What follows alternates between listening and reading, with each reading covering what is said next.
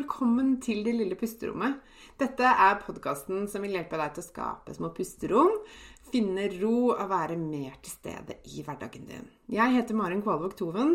Jeg er barnevernspedagog, familieterapeut og eniagramcoach. Jeg er mamma til to, gift og gründer av Det lille pusterommet. Og jeg har selv kjent på langvarig stress og har vært utbrent. Jeg brenner for å hjelpe deg ut av stress og utbrenthet, og vise deg hvordan du kan finne ro, selv om det er travelt rundt deg. Til daglig så hjelper jeg kvinner ut av utbrenthet og stress gjennom online coaching med min egen utarbeidede pusterommetode og ulike online-kurs. Du vil høre meg reklamere for mine tjenester i denne podkasten. Du vil også i denne podkasten få mine tips, triks og inspirasjon til hvordan du kan skape dine pusterom i hverdagen. Jeg kommer også til å dele egne erfaringer og invitere spennende gjester på besøk. Mer om meg og det jeg kan hjelpe deg med, det kan du lese om på delillepusterommet.no. Det er veldig gøy om du deler at du hører på Det lille pusterommet i sosiale medier, og tagger meg, så jeg kan si hei til deg. Jeg heter Marin Kvalvåg Toven både på Facebook og på Instagram. Her kommer dagens episode.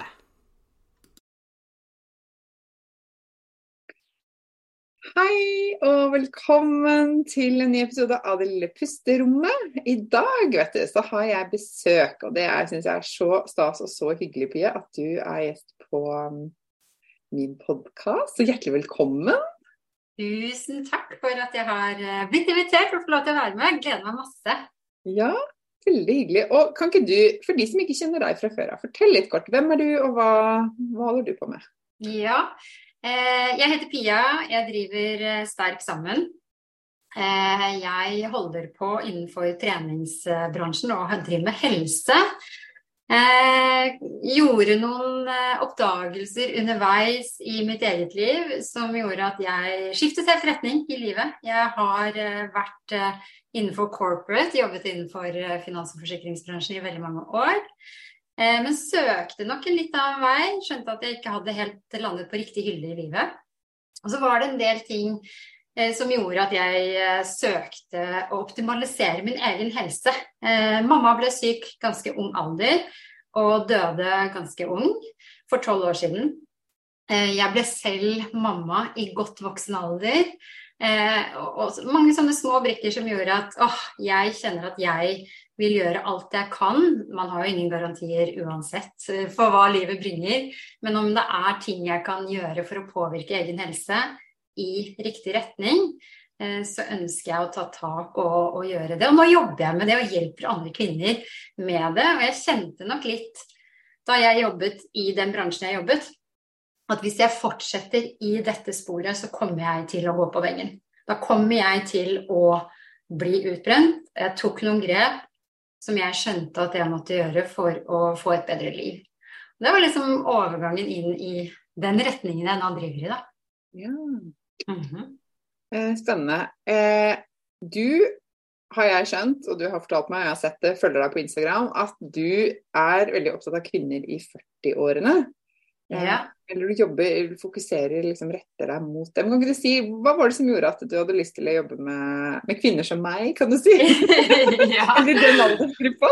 uh, ja, jeg er, jo, jeg er jo der selv. Jeg er 45 år. Uh, og da skjer det veldig mye med Altså Det skjer jo veldig mye med menneskekroppen når vi blir eldre. Altså Det begynner ganske tidlig. Det begynner allerede ved 30 års alder. Så begynner kall det forfallet. Eh, da går det på en måte nedover. Eh, og med oss kvinner spesielt så skjer det veldig mye hormonelt. Vi kommer opp i overgangsalder. Det er en sånn tid vi skal igjennom. Den, den må vi igjennom. Eh, og da er det mye spennende som skjer i kroppen, eh, og også relatert til helse. Det er en del ting man kanskje bør begynne å tenke på, eh, ta tak i, og eh, mange kan kanskje gå igjennom en overgangsalder som kan være plaget av hetetokter, det er eh, humørsvingninger, det er mange ting som dukker opp. Men så er det veldig mye vi kan gjøre med livsstil, som gjør at eh, det ikke nødvendigvis blir så vanskelig og tungt å gå gjennom den eh, fasen i livet. Og Samtidig så er det også en del ting som skjer når vi kommer ut og gjennom denne overgangsalderen, som gjør at vi kvinner har høyere risiko for en del typer sykdommer. Eh, og det kan vi også ta tak i og prøve å forberede oss på best mulig måte da, gjennom livsstil. Så jeg syns det er en veldig spennende fase av livet. Og litt at jeg er der selv og går gjennom disse tingene, så dypdykker man jo i uh, ting og finner ut uh, og får mye mer kompetanse som jeg også ønsker å dele ut til andre. Ja. Ja, Når du sier livsstil, hva tenker du, hva, man, hva kan man gjøre? Man... Ja, livsstil er jo sånn stort, kanskje litt sånn ullent. Hva er liksom denne livsstilen? Eh, men det er jo flere elementer som, eh, som, påvirker, og det er jo hvordan vi lever livene våre i dag. Eh, vi har en tendens til å stresse mye. Det er et samfunn vi lever i som krever at vi er mye mer på enn tidligere. Eh, og man er på en måte påskrudd. Eh, man er på digitale flater. Eh, og eh, dette påvirker kanskje søvnrytmen våre. hvordan vi spiser, maten vi spiser i dag, er veldig annerledes enn maten vi spiste for bare noen tiår eh, tilbake. Eh, dette med trening Vi er still, mer stillesittende folk nå enn det vi var bare for 100 år siden. Eh, og relasjoner tenker jeg også man bør ta med inn i dette livsstilsbegrepet. Fordi relasjonene vi er omgir oss med, påvirker oss ganske mye. Forskning sier at du blir som de fem nærmeste rundt deg.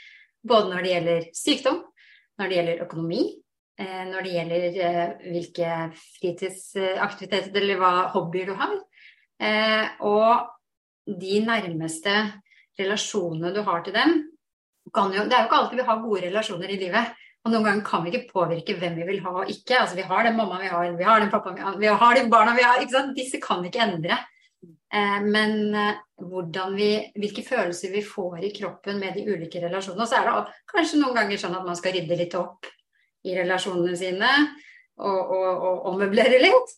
Eller man skal søke andre eh, gjenger, hvis vi kan kalle det det. Så jeg tror relasjoner også bør tas med inn i livsstilsbegrepet. Mm. Men i all hovedsak søvn, stress, kosthold, trening eh, og eh, miljø eller relasjoner, da. Mm. Ja, ikke sant. Det er et ganske vidt begrep, egentlig. Ja. ja. Ja, absolutt. Eh, men hva, altså Hvis vi skal snakke litt om trening, da, som jo kanskje er ditt, uh, din ekspertise, man kan si det sånn, ditt hjerte, litt hjerte nærmest. Ja. hva, hvorfor er det så viktig, og hvor kommer det inn i dette, tenker du? Mm. Jeg brenner veldig på trening. Nå skal det også sies at jeg har ikke alltid vært en sånn fitness-hopp rundt og oh, nå skal vi Jeg har, har hatt gjennom perioder i livet mitt vært helt uten trening. Eh, men har jo nå gjort en endring de siste seks årene, så har jeg på en måte opprettholdt jevnlig trening. Um, og den kunnskapen jeg har tilegna meg, det, altså, det, er så mye bra med trening. Og så er det jo mange variasjoner man kan holde på med. Men spesielt for uh, mennesker som kommer litt opp i årene, da, så er det sånn at vi mister muskelmassen, muskelmassen vår jo eldre vi blir. Det, som sagt, det begynner allerede når man er 30 år. Og hvis man ikke motvirker det, så påvirker det helsen ganske betydelig. Og det påvirker også hvordan alderdom du får, i forhold til balanse, i forhold til hvordan hverdagslige gjøremål kan bli ganske tunge. Det å gå opp en trapp, bære handleposer hjem, disse tingene som vi jo gjør hver dag. Eh, og trening i forhold til at vi har blitt så sittestillende, eh, det å være i bevegelse, være i aktivitet altså Menneskekroppen er ikke skapt for å sitte så stille som veldig mange gjør, og det gjør oss syke. Eh, så trening, og spesielt styrketrening, som jeg brenner for, da er det ikke sånn at du nødvendigvis må reise på treningssenter og ha tung styrketrening. Man kan gjøre veldig mye hjemme uten treningsrom, uten eh, utstyr. Eh, men det å eh, komme i gang, være i bevegelse, det påvirker fysikken, og det påvirker det mentale. Da er det jo også forskning som ligger bak dette med depresjon. At trening vil være en måte å komme ut av eh, Få mindre angst, eh, bli mindre deprimert. Eh, så det er liksom eh, Kom i gang med trening, og en del andre ting kanskje vil falle på plass. Eh, du drikker mer vann, kanskje du sover bedre. Eh, du får ut litt stress av kroppen, kanskje tar du bedre valg når det kommer til kosthold. Så det er kanskje ett sted å, å starte for veldig mange. Eh, men selvfølgelig så, så, er det også noen som ikke kanskje bør gå rett på eh, dette med trening, da. Mm. Ja, hva tenker du på det? Ja, og det er jo litt eh, spesielt som du snakker en del om, eh, Maren. Dette med å gå på denne berømte veggen, ikke sant. Når livet faller i knus, og som du også har vært igjennom, eh, så er, skal man være forsiktig med trening. Eh, fordi trening er stress for kroppen. Eh, for å bygge muskler så løfter vi en tung vekt som gjør at muskelen, muskelfibre ødelegges, og så reparerer de seg selv, og da blir den større, sterkere. Og det er liksom måten en fremgang eh, på trening vises. Men det er klart, hvis du har en kropp som er tom, altså helt på felgen, så er ikke trening nødvendigvis, i hvert fall ikke tung styrketrening, nødvendigvis eh, veien å gå. Fordi du må på en måte ha noe å gå på. Og det jeg snakker veldig mye med kundene mine når jeg eh, jobber med kunder Jeg begynner egentlig alltid å snakke om søvn. Eh, hvordan sover du, og hvor godt sover du? Hvor mange timer, og hvor, hvor bra er den søvnen? Eh, og hvis du kan sammenligne det litt med toppidrettsutøvere, da, som jo trener ekstremt mye og restituerer mye, det er liksom det de gjør. De er ikke her og der i bursdagsselskap og hit og dit og vaske altså, Noen gjør selvfølgelig noen av disse tingene, men de er liksom dedikert til å drive med én ting. Trene og restituere og bli liksom best. Mens vi vanlige dødelige, vi er 24 timer, timers utøvere, pleier jeg å kalle oss. Altså du har så mange arenaer i livet hvor du skal være til stede og bidra på. Det er barn, kanskje følger du opp foreldrene dine. Det er husvask, det er klesvask, det er innkjøp, det er matlaging. Du har en jobb, du har en sjef, du har noen deadlines. Altså vi, vi skal være på så mange arenaer, og når vi da skal komme i gang med trening og få fremgang av treningen, så må vi ta hensyn til hvordan livet ser ut. Og hvis du da har vært gjennom en periode hvor du eller du, du er i en periode hvor du er helt utbrent, så ja, kanskje du skal bevege deg, men kanskje ikke du skal eh, gå all in og, og, trene tungt. Kanskje du kommer dit, men baby steps. Mm. Mm. Og Det er kjempeviktig det du sier der. fordi at, er, Jeg husker så godt da jeg ble utbrent også, så var liksom legen min hun sa sånn, Det hørtes ut som hun bare sa det fordi hun hadde hørt det før. At liksom Ja, så må du trene, da. For trening hjelper jo mot alt. Så tenkte jeg å ja, ja, ja, får vel gjøre det, da. Og så gikk jo det kjempedårlig. og Det vet jeg mange av mine kunder også erfarer, at de blir dårligere av det. Jeg fikk sånn fysisk reaksjon med at jeg begynte å bli neseblod og gjorde det i to dager, liksom. Fordi at jeg bare kroppen bare Nei, nei, nei, nei. jeg skal absolutt ikke gjøre det. Men det var først jeg skjønte liksom, ja, hvordan det også påvirker oss hormonelt. At faktisk kortisolnivået kan øke også. Hvis man trener veldig tungt, så stresser man som du sier, kroppen unødvendig mye. Og det er jo det man ikke skal. da. Man, mm. Men det finnes jo ulike former, grader av altså Hvis vi ikke tenker trening, men tenker fysisk, altså bevegelse kanskje mer, da. Mm. Det å bevege seg er alltid mm. bra for oss, vil jeg kanskje si. Men ikke nødvendigvis uh, Så det er mange som sier jeg trener, man angrer aldri på en økt. Jeg har angret på mange økter, faktisk. Nettopp fordi jeg ikke har lyttet til kroppen. ikke sant? Fordi jeg, ja. jeg tenker at dette er bra. Eller dette ja. må jeg jo. Eller um, hvis jeg skal nå målene mine, så må jeg trene tungt nå. ikke sant? Altså alle disse ideene vi har om hvorfor vi gjør det. Mm. Men det er også det som er litt sånn fascinerende vi, med den kundegruppen som vi jobber med. Når man kommer opp eh, i en viss alder, 40 pluss, så begynner man å kjenne kroppen sin litt. Ikke sant? Eh, og det, eh, det tenker jeg det er en veldig fin erfaring å komme såpass godt opp i åra at du begynner å kjenne litt OK, hva er det jeg trenger nå? For hvis du er sånn noenlunde frisk og rask og alt er greit, men du har mye som skjer i livet ditt, men du kanskje kjenner du er, du er i gang, du skal gå på og virkelig nå satt deg noen mål og skal begynne å trene. Eh, så må man kanskje justere litt, fordi du kjenner jo veldig fort om OK, dette kjenner jeg, dette, går, dette er ikke så bra for meg i dag. Kanskje man da skal gjøre noe annet, ikke sant. Kanskje man skal bare gå seg en tur, eller eh, Og det tenker jeg at man, eh, som er så fascinerende med oss litt voksne damer, da. At man begynner å kjenne seg selv når er det jeg kan gunne på? Når er det jeg bør holde tilbake? Vet du at du har hatt dårlig søvn i tre dager, så skal du kanskje ikke ta en tung styrkeøkt, eh, for da er kroppen i litt minus. Mm. Så hele den um, settingen der syns jeg er litt sånn fascinerende og, mm. og gøyal, da. Mm. Mm. Ja, ikke sant. Det er kjempeviktig, tenker jeg. Og hvis ikke man er kjenner kroppen sin så godt, så er det kanskje det et viktig sted å starte. Å begynne å lytte til kroppen og faktisk liksom, kunne klare å fange opp signalene fra den først, da, og så ta det derfra. Ja. ja. Mm. Eh, men du sier dette med styrketrening spesielt. Altså, ja, vi mister muskelmasse. Og balansen blir dårligere, eller at det kan forebygge en del eh, liksom, andre greier. Er det noen flere grunner til at vi akkurat burde fokusere på styrketrening? For mange er jo glad i å løpe f.eks. Eller Ja, og all, all, trening er bra. Kanskje en kombinasjon av, eh, av flere elementer. Men både dette med styrketrening vil også påvirke beinmineraltettheten til oss damer, som jo er utsatt for beinskjørhet. Spesielt etter overgangsalder så er vi enda mer utsatt for å påføre oss denne beinskjørheten.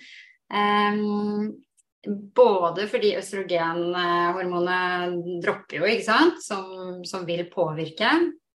Eh, men, men altså styrketrening er eh, bra både for hjertet hjerte, lunger, eh, hvordan blodsirkulasjonen din er i kroppen. Eh, det er bra i forhold til styrkeledd, som vil gjøre at du er eh, mer robust i forhold til belastningsskader, enten det er arbeidsbelastning eller eh, ulykker, ikke sant. Eh, så det er veldig mange ting som hjelper på med styrketrening. Både også det at når man får mer muskler på kroppen, så vil også forbrenningen din øke. Hvileforbrenningen din vil være høyere med en som har mye muskler på kroppen, kontra en som har mindre muskler på kroppen. Og hvis du tenker på dette med kvinner i overgangsalderen, er en av eh, plagene, litt sånn gåstegn, men en av de tingene som veldig mange opplever, er jo at man legger på seg. Mm. i overgangsalder. Man, man, går opp i vekt, og så sitter den vekten litt hardere fast. Altså, det mange kommer til meg og sier altså, det jeg gjorde før, det fungerer ikke lenger. Altså, jeg prøvde å komme i gang, men det, det hjelper ingenting. Det skjer ingenting. Eh, og da er styrketrening noe som vil bidra positivt. Og det er jo dette fettet som gjerne legger seg rundt midjen eh, når man kommer opp i overgangsalder, som ikke er så veldig helsegunstig som man gjerne vil ha bort. Altså Hvor mye du veier, det spiller egentlig ikke så stor rolle. Og det er ikke sånn at nødvendigvis alt fett på kroppen er dårlig, men det handler om litt kroppssammensetning. For har du mye fett rundt magen, så er det jo fett ligger jo inne i organene inni oss, ikke sant. Og det er det knyttet til en del helserisiko. Mm. Det vil vi gjerne ha bort. Og det er styrketrening og det å øke proteininntaket eh, to nøkkelfaktorer. Eh, og det å spise mer proteiner, mer fiber, vil være gunstig både for tarmhelse, du vil også kjenne at du blir mer mett eh, når du øker proteinmengden. Eh, nettopp fordi protein er med på å skille ut et hormon i kroppen som gjør at det stimulerer til at du får en bedre metthetsfølelse. En annen eh, kall det utfordring hvis man får for mye fett på kroppen. Eh, og da er vi litt over igjen i disse hormonene, eh, som også er så spennende. Eh, vi har jo et symfoniorkester inni oss som skal spille på lag. Det er kjemiske budbringere som skilles ut enten hjernen eller i, på oss kvinner, så er det jo nede i eggstokkene og rundt, rundt der. Eh, og også andre steder i kroppen, eh, som er budbringere på hvordan du skal føle deg, hva som skjer når du spiser, hvordan du sover. Altså det er så mye spennende som skjer inni kroppen. Eh, og det å trigge de riktige hormonene, eller spille på lag med hormonene, er jo også viktig. Fordi når dette blir i ubalanse, så påvirker det oss veldig. Og man kan begynne å kjenne på sånne ugreie ting. Sover dårlig, stresser mye, kjenner på at du er konstant sulten. Hvis du i tillegg har mye fett på kroppen, Eh, og du spiser egentlig nok til at du skal være mett, men du hele tiden går og hungrer, du, er, du klarer ikke å tilfredsstille deg selv, så kan det være en hormonell ubalanse i kroppen. Mm. Vi har eh, grelin og leptin, som er to hormoner som skal styre og regulere sult og metthet. Eh, og leptin er det som skal regulere at du kjenner deg mett. Og det er et hormon som produseres i fettceller. Og jo mer fett du har på kroppen, jo mer hormoner av leptin skilles det ut i kroppen. Og da skulle man egentlig tro at du kjente deg mett, for du får masse av dette metthetshormonet. Men det som skjer i kroppen da, er at det blir litt sånn oversvømmelse, så hjernen klarer ikke å fange opp det signalet. Kan sammenligne det litt med at du har en venninne som står og roper 'ulv, ulv, det er ulv'. Og så kommer du og sjekker, og så, det er jo ingen ulv her. Men hun fortsetter å rope 'ulv, ulv, det er en ulv'. Og til slutt så bare åh, ignorerer du henne, ikke sant? for det, hun snakker bare tull. Samme skjer, kan skje i kroppen. Da kan vi oppleve det som eh, heter leptinresistens. Eh, og da er det en hormonell ubalanse som vil påvirke vekt. Eh, og det, det, er ting du også kan bidra med styrketrening, er å få disse hormonene mer i balanse. Er det det som gjør at det er, altså For min, min, erfaring, og veldig mange vet om også, opplever at når man trener, så har man også lyst til å spise sunnere, på en måte. Og, eller altså at det påvirker litt de valgene man tar når man spiser òg? Ja, det kan nok eh, også være det at man velger en, en sunn ting, og så blir det en sånn dominoeffekt. Ja av flere ting. Det er litt som hvis du har spist en sjokoladeplate, så tar du potetgullposen også. For liksom, da, da, er du andre veien, da. Ja. Eh, du tar ett glass vin, og så ender du opp med å drikke en flaske vin. Fordi, når du først er i gang, så kan når du først er i gang. Ja. Mens, uh, mens, hvis du tar ett godt helsevalg, så er det lettere å ta ja. nummer to og nummer tre, og det er en sånn oppadgående spiral. Eh, men veldig mange vil oppleve at man blir mer sulten ved å trene, fordi da øker man jo forbrenningen, og det er helt naturlig. Eh, det som er viktig å gjøre da, er jo å um, ja, velge godt og sunt kosthold. Eh, og proteinrikt vil støtte opp under den styrketreningen og vil bygge musklene dine. Eh, så det å velge sunt kosthold er jo også med på denne livsstilsparaplyen som vi jo har vært litt inne på, da. Ja, ikke sant. Ja, så tenker jeg på liksom, energi, humør, endorfiner. altså Det er jo mye sånn som skjer også Eh, når man trener. ikke sant? At man mm. kan liksom, Som jo er litt sånn, ikke nødvendigvis liksom målbart, kanskje, men som er en sånn litt sånn subjektiv eh, opplevelse. Absolutt. Du har jo disse fire hormonene endorfiner, som er smertelindringshormoner. Du kan sammenligne dem med morfin. Eh, det er 80 ganger mer potent enn morfin når vi trener. Så det er liksom en kjempeeffekt. Eh, og så har du dopamin, eh, og så har du serotonin, og så har du oksytocin. Endorfiner er smertelindringshormonet, dopamin er belønningshormonet. Ofte når vi utfører en oppgave som vi har satt oss som mål å gjøre, så får vi veldig sånn dusj av endorfiner. Bare det å skrive en sånn to do-liste, og når du har krysset av alle de, det er sånn dopaminutløsende effekt på oss. Eh, og så har du jo eh, serotonin, som ofte er i lykkepiller, eh, som er humørstabilisator. Så når vi mangler mye av det, så kan vi bli irritert og humørsvingninger. Eh, lite liksom, positivitet. Eh, og oksytocin, som er kjærlighetshormonet, som skilles ut eh, når man eh, klemmer noen, eller har omsorg for andre mennesker, eller koser med en hund. Eller... Mm. Og de fire hormonene der er jo veldig med på å skape godt humør, god energi, bygge deg opp, stabilisere humørene. Og, og det å finne ut okay, hva kan jeg gjøre for å påvirke de hormonene i riktig retning. Trening går igjen i veldig mange av de fire. Eh, men bare det å gå seg en tur, eh, være ute i naturen, smile til et ukjent eh, menneske som du møter altså Det er så små ting som du kan gjøre som vil påvirke deg eh, få en sånn boost, da. Mm. Som veldig mange kan gjøre. Gjøre mye selv.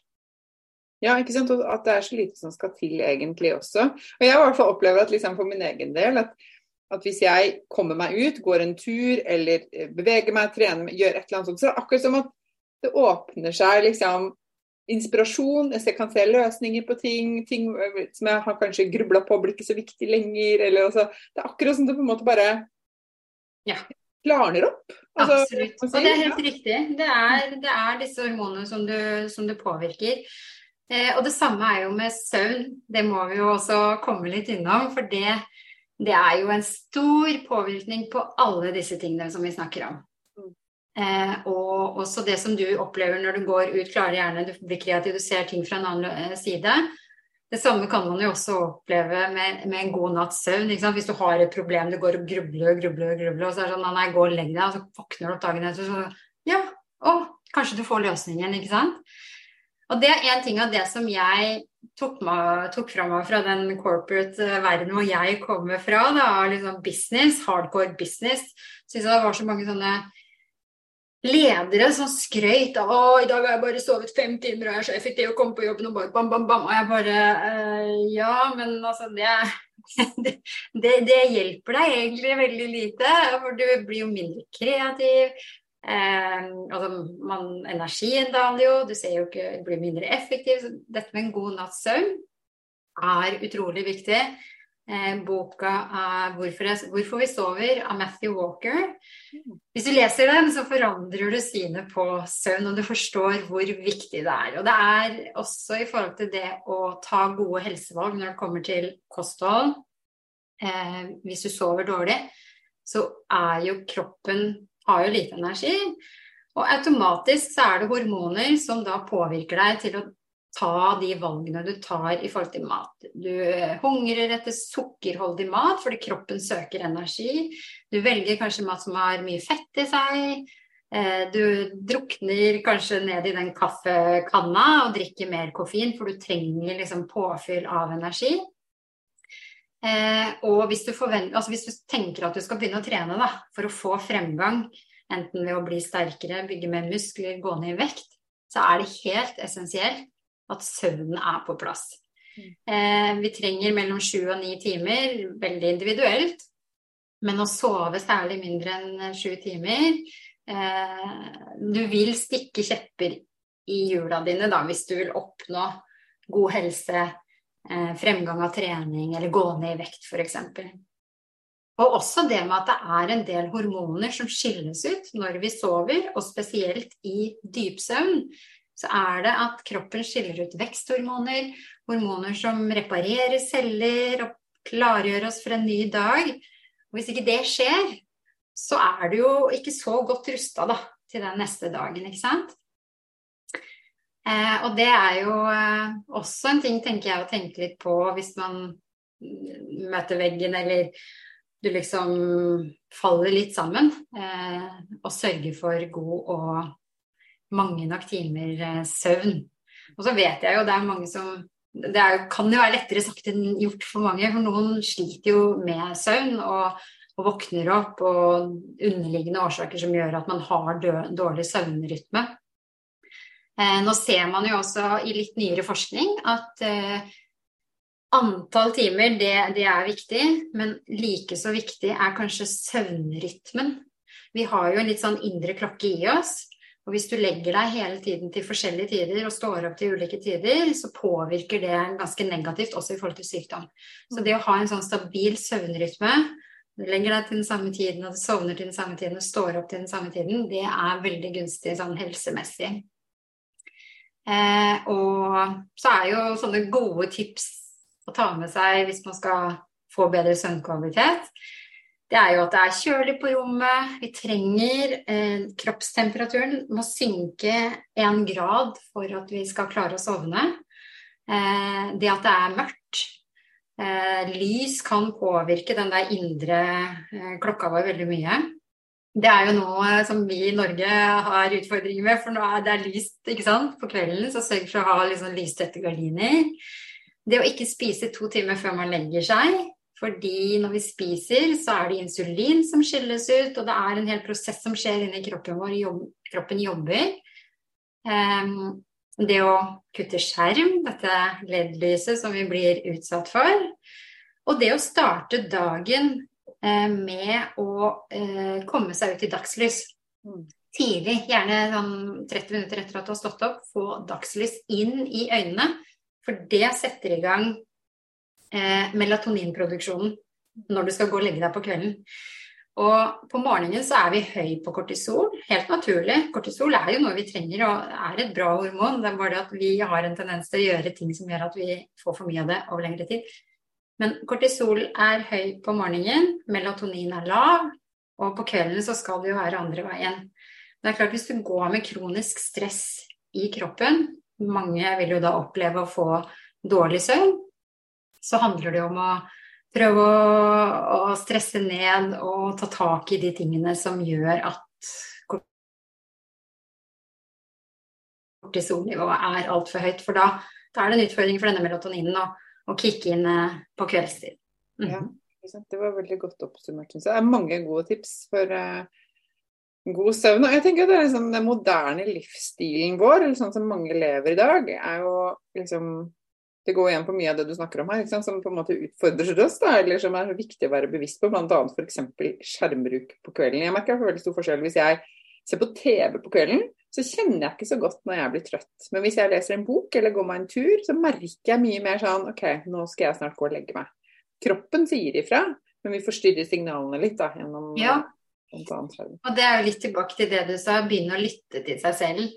Eh, og, men så tror jeg at eh, i dagens samfunn så gjør vi ikke det. Mm. Vi sitter ikke fem minutter uten å gjøre noen ting. Vi er på telefonen hele tida. Hvis du står og venter på en buss, så er du veldig fort opp og scroller. ikke sant? Hvis du har liksom fem minutter i vinduet, så bare sånn For vi liker ikke å kjede oss. Mm. Eh, men det å bare sitte og gjøre ingenting, prosessere tankene dine, eller kjenne hvordan følelser du har, eller reflektere litt over livet, eller hva som har skjedd, eller så, så blir vi litt bedre kjent med oss selv. Eh, og det å, som du sier, ta tak og lese en bok på kveldstid i stedet for å sitte og se på den TV-en til du stuper i senga, det, det kan være veldig, veldig fint.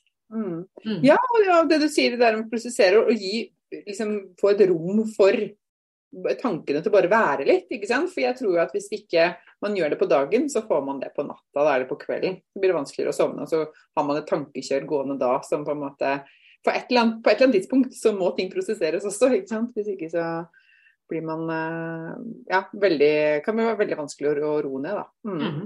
Og det samme også kan veldig mange oppleve som er i overgangsalder. At man våkner eh, midt på natta. Det er også med andre hormoner som er i ferd med å, å, svinge litt i den tiden.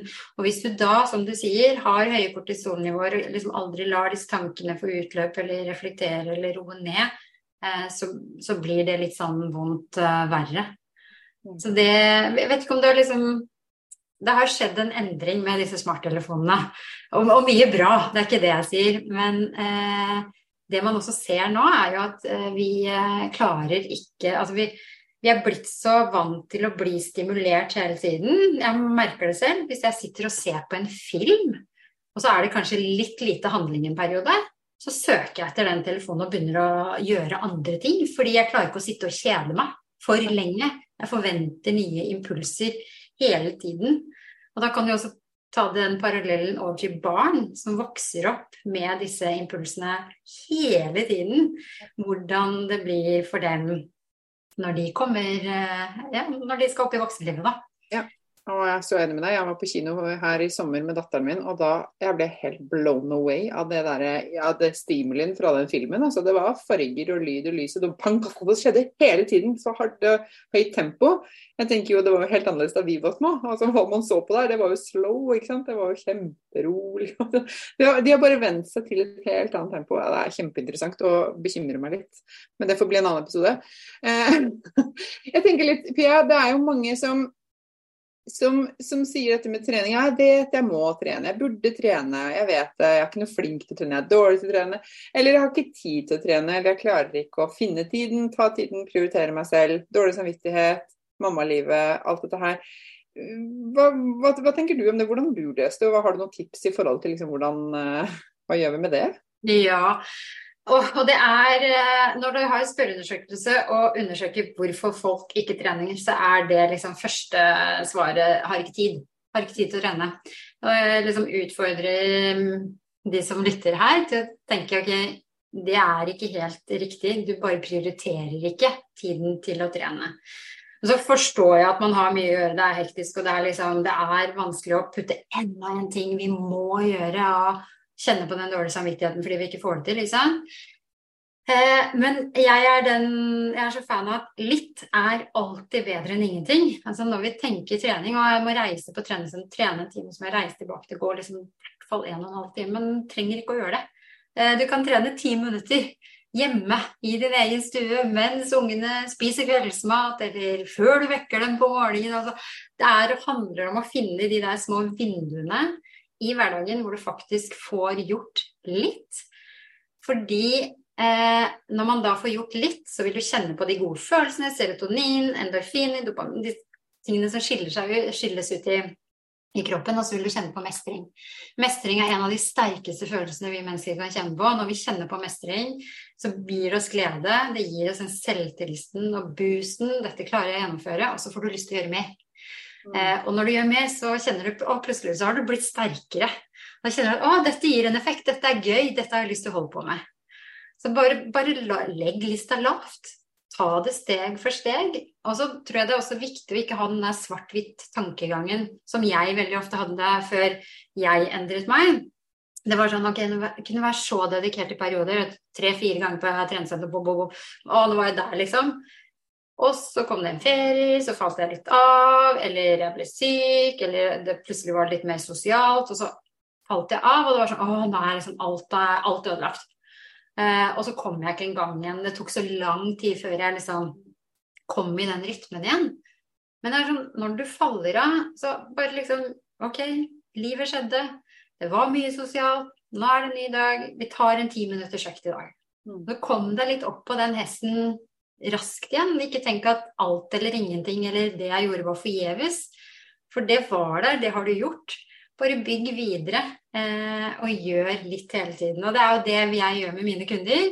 Der trener vi ti minutters økter for å bygge den der gode mikrovaner, ikke sant. Så legg lista lavt. Det er kanskje det beste tipset jeg har. Ja.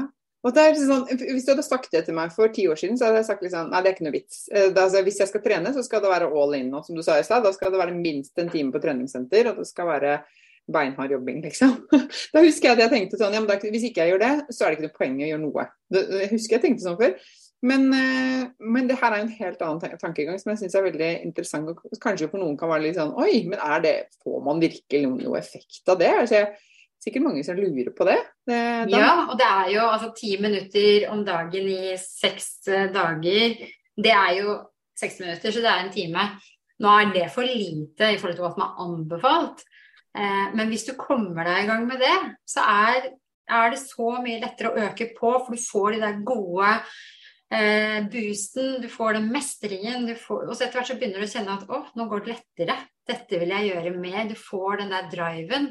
Eh, for jeg tror det er veldig mange som setter den terskelen så høyt, og så når man ikke kommer opp der, så mister man selvtillit og holder ikke avtale med deg selv. Kjenner at jeg får det jo ikke til nå heller, ikke sant. Så blir det bare bekreftelse på alle andre de gangene du har feilet. Men det å gjøre litt hver dag, og heller legge lista lavt, ta de vinduene innimellom, og bygge på etter hvert. Hmm. Veldig lurt. Det er sikkert noen her som får lyst til å teste ut, vil jeg tro. Ja. Og apropos det, så tenker jeg at du må jo fortelle litt, fordi um, du jobber jo liksom online, ikke sant? Sånn som ja. jeg egentlig. Og, mm. eh, og så vet jeg at du har noe spennende på gang om noen uker, og som jeg skal være med på. Kan ikke du fortelle litt? Hva er det som skjer i midten av august? Ja, da skal jeg kjøre Helseuka. 14. august starter vi. Eh, jeg kommer til å ha liksom mini-workshops over fire dager. Vi skal snakke om søvn og stress, vi skal snakke om kosthold, vi skal snakke om trening og hormoner. Så jeg har fordelt litt, og så er det litt øvelser som skal eh, gjøre. Nettopp sånne korte timinutters eh, økter. Eh, og det å på en måte komme i gang etter ferien Mange har kanskje vært mindre aktive, man har kanskje spist litt mer, har, rytmen har vært litt annerledes. Det å liksom booste, komme i gang nå, Eh, og pushe hverandre, heie på hverandre. Man blir som de rundt seg. Være med i et miljø hvor det er god stemning, feel good vibe, masse energi. Gjør at det er litt lettere å komme videre, da. Så da kommer det til å bli eh, masse, masse gøy som jeg kommer til å dele. Eh, I forhold til det, de kundene som jeg har jobbet med, så har jeg gjort meg noen erfaringer. Hva er det som fungerer, hva er det som ikke fungerer? Hva er det som skal til? Så jeg kommer til å dele masse gode tips som man kan eh, plukke opp og ta med seg, som vil gjøre denne livsstilen eh, bedre. Så da er det bare å henge på. Ja, det er kjempegøy. Og det, dette er jo helt gratis, ikke sant? det er helt gratis. Eh, så det er bare å eh, klikke seg inn, registrere seg, og så um, får du en mail av meg når du har gjort det, når vi skal starte og når vi skal i gang. Ja, ikke sant. Det blir veldig bra. Jeg tenker mange har lyst til å få en liksom god start på høsten nå. Eh, noen er litt sånn, kanskje litt sliten etter ferien og litt, eh, ja som du sier, kanskje har spist litt annerledes. Og, litt sånn, og, og, så tenker jeg litt det der med å gi seg selv noe bra. altså Veldig mange som vi snakker med begge to, tror jeg, er jo mammaer ikke sant? og veldig opptatt av å ta vare på alle andre, og kanskje har gjort det mye i ferien. Jeg snakker i hvert fall med mange nå i august som er slitne etter ferien. og eh, nok en gang har mista seg selv litt, eller glemt seg selv og satt seg selv til side for at alle andre skal få en fin sommerferie. Så jeg tenker det er en veldig god idé også med å liksom starte hverdagen eh, på et godt sted og prioritere seg selv litt, da. Mm. mm. Egentid. Eh, Kall det egenkjærlighet, egentid. Eh, jeg har vært på en del foredrag opp igjennom, og bl.a. Eh, dette med mentaltrening. Jeg er veldig opptatt av mindset og mentaltrening. Eh, hvor eh, det var en som snakket om dette med når man skal liksom toppidrettsutøvere eller toppidrett, eller toppledere. Eh, og da ble det også snakk om egentid. Eh, hva er det som gjør deg glad? Når er du i din happy space? Er det, altså, er det, når du er på shopping, eller er det når du er alene? Er det når du er i naturen, eller er det når du skal sitte og lese bøker? Er det på Netflix, eller er det på trening? Altså, det spiller ikke noen rolle hva det er, men finn det som gjør deg glad. Finn en liten space for deg selv. Fordi når du fyller på dine lagre, så er det lettere å gi til de rundt eh, seg. Som du sier, det kan man merke på at eh, sommeren har vært lang og det har vært intenst, og, og, og sånn er det litt. Eh, men det er kjempeviktig å ta vare på seg selv oppi det hele, og, og vi klarer å gi mer til de rundt oss hvis vi også tar vare på oss sjøl. Ja, altså, for dere som har lyst til å bli med på Helseuka, jeg har meldt meg på og skal være med. Ja. Og, eh, det gleder jeg meg til. Og så legger vi link til dette under episoden her i shownotes, så du kan klikke deg inn og melde på bli med du også. Ja, veldig, ja. veldig gøy. Du, eh, Pia, vi kunne snakket lenge, tror jeg. Men ja. um, dette var kjempeinteressant og kjempespennende det du snakker om. og jeg tenker Det er så viktig å huske på hele oss. liksom. Jeg er veldig opptatt av dette med helhetlig helse, at alt henger sammen. Ja. Så vi må begynne i en ende, og litt ut ifra hvilken situasjon man er i, så må man eh, liksom starte der hvor det er naturlig og viktig å starte. Men dette med den fysiske helsa og bevegelse og fysisk aktivitet og trening er kjempeviktig uansett. Eh, kan ikke du si litt sånn eh, hvor man finner deg. Hvis man har lyst til å følge deg noe sted eller ta kontakt med deg på noe vis, hva gjør man da? Mm. Eh, på Instagram så finner du meg. Det er pia understrek sterk sammen. Ellers har jeg også en nettside, eh, sterksammen.no, eh, hvor du finner, eh, finner, meg. Og jeg er på Facebook. Eh, har en side der som heter Sterk sammen. Ja. Så jeg er på en måte sterk sammen, som eh, du vil finne linker også som ligger på, på hjemmesiden min.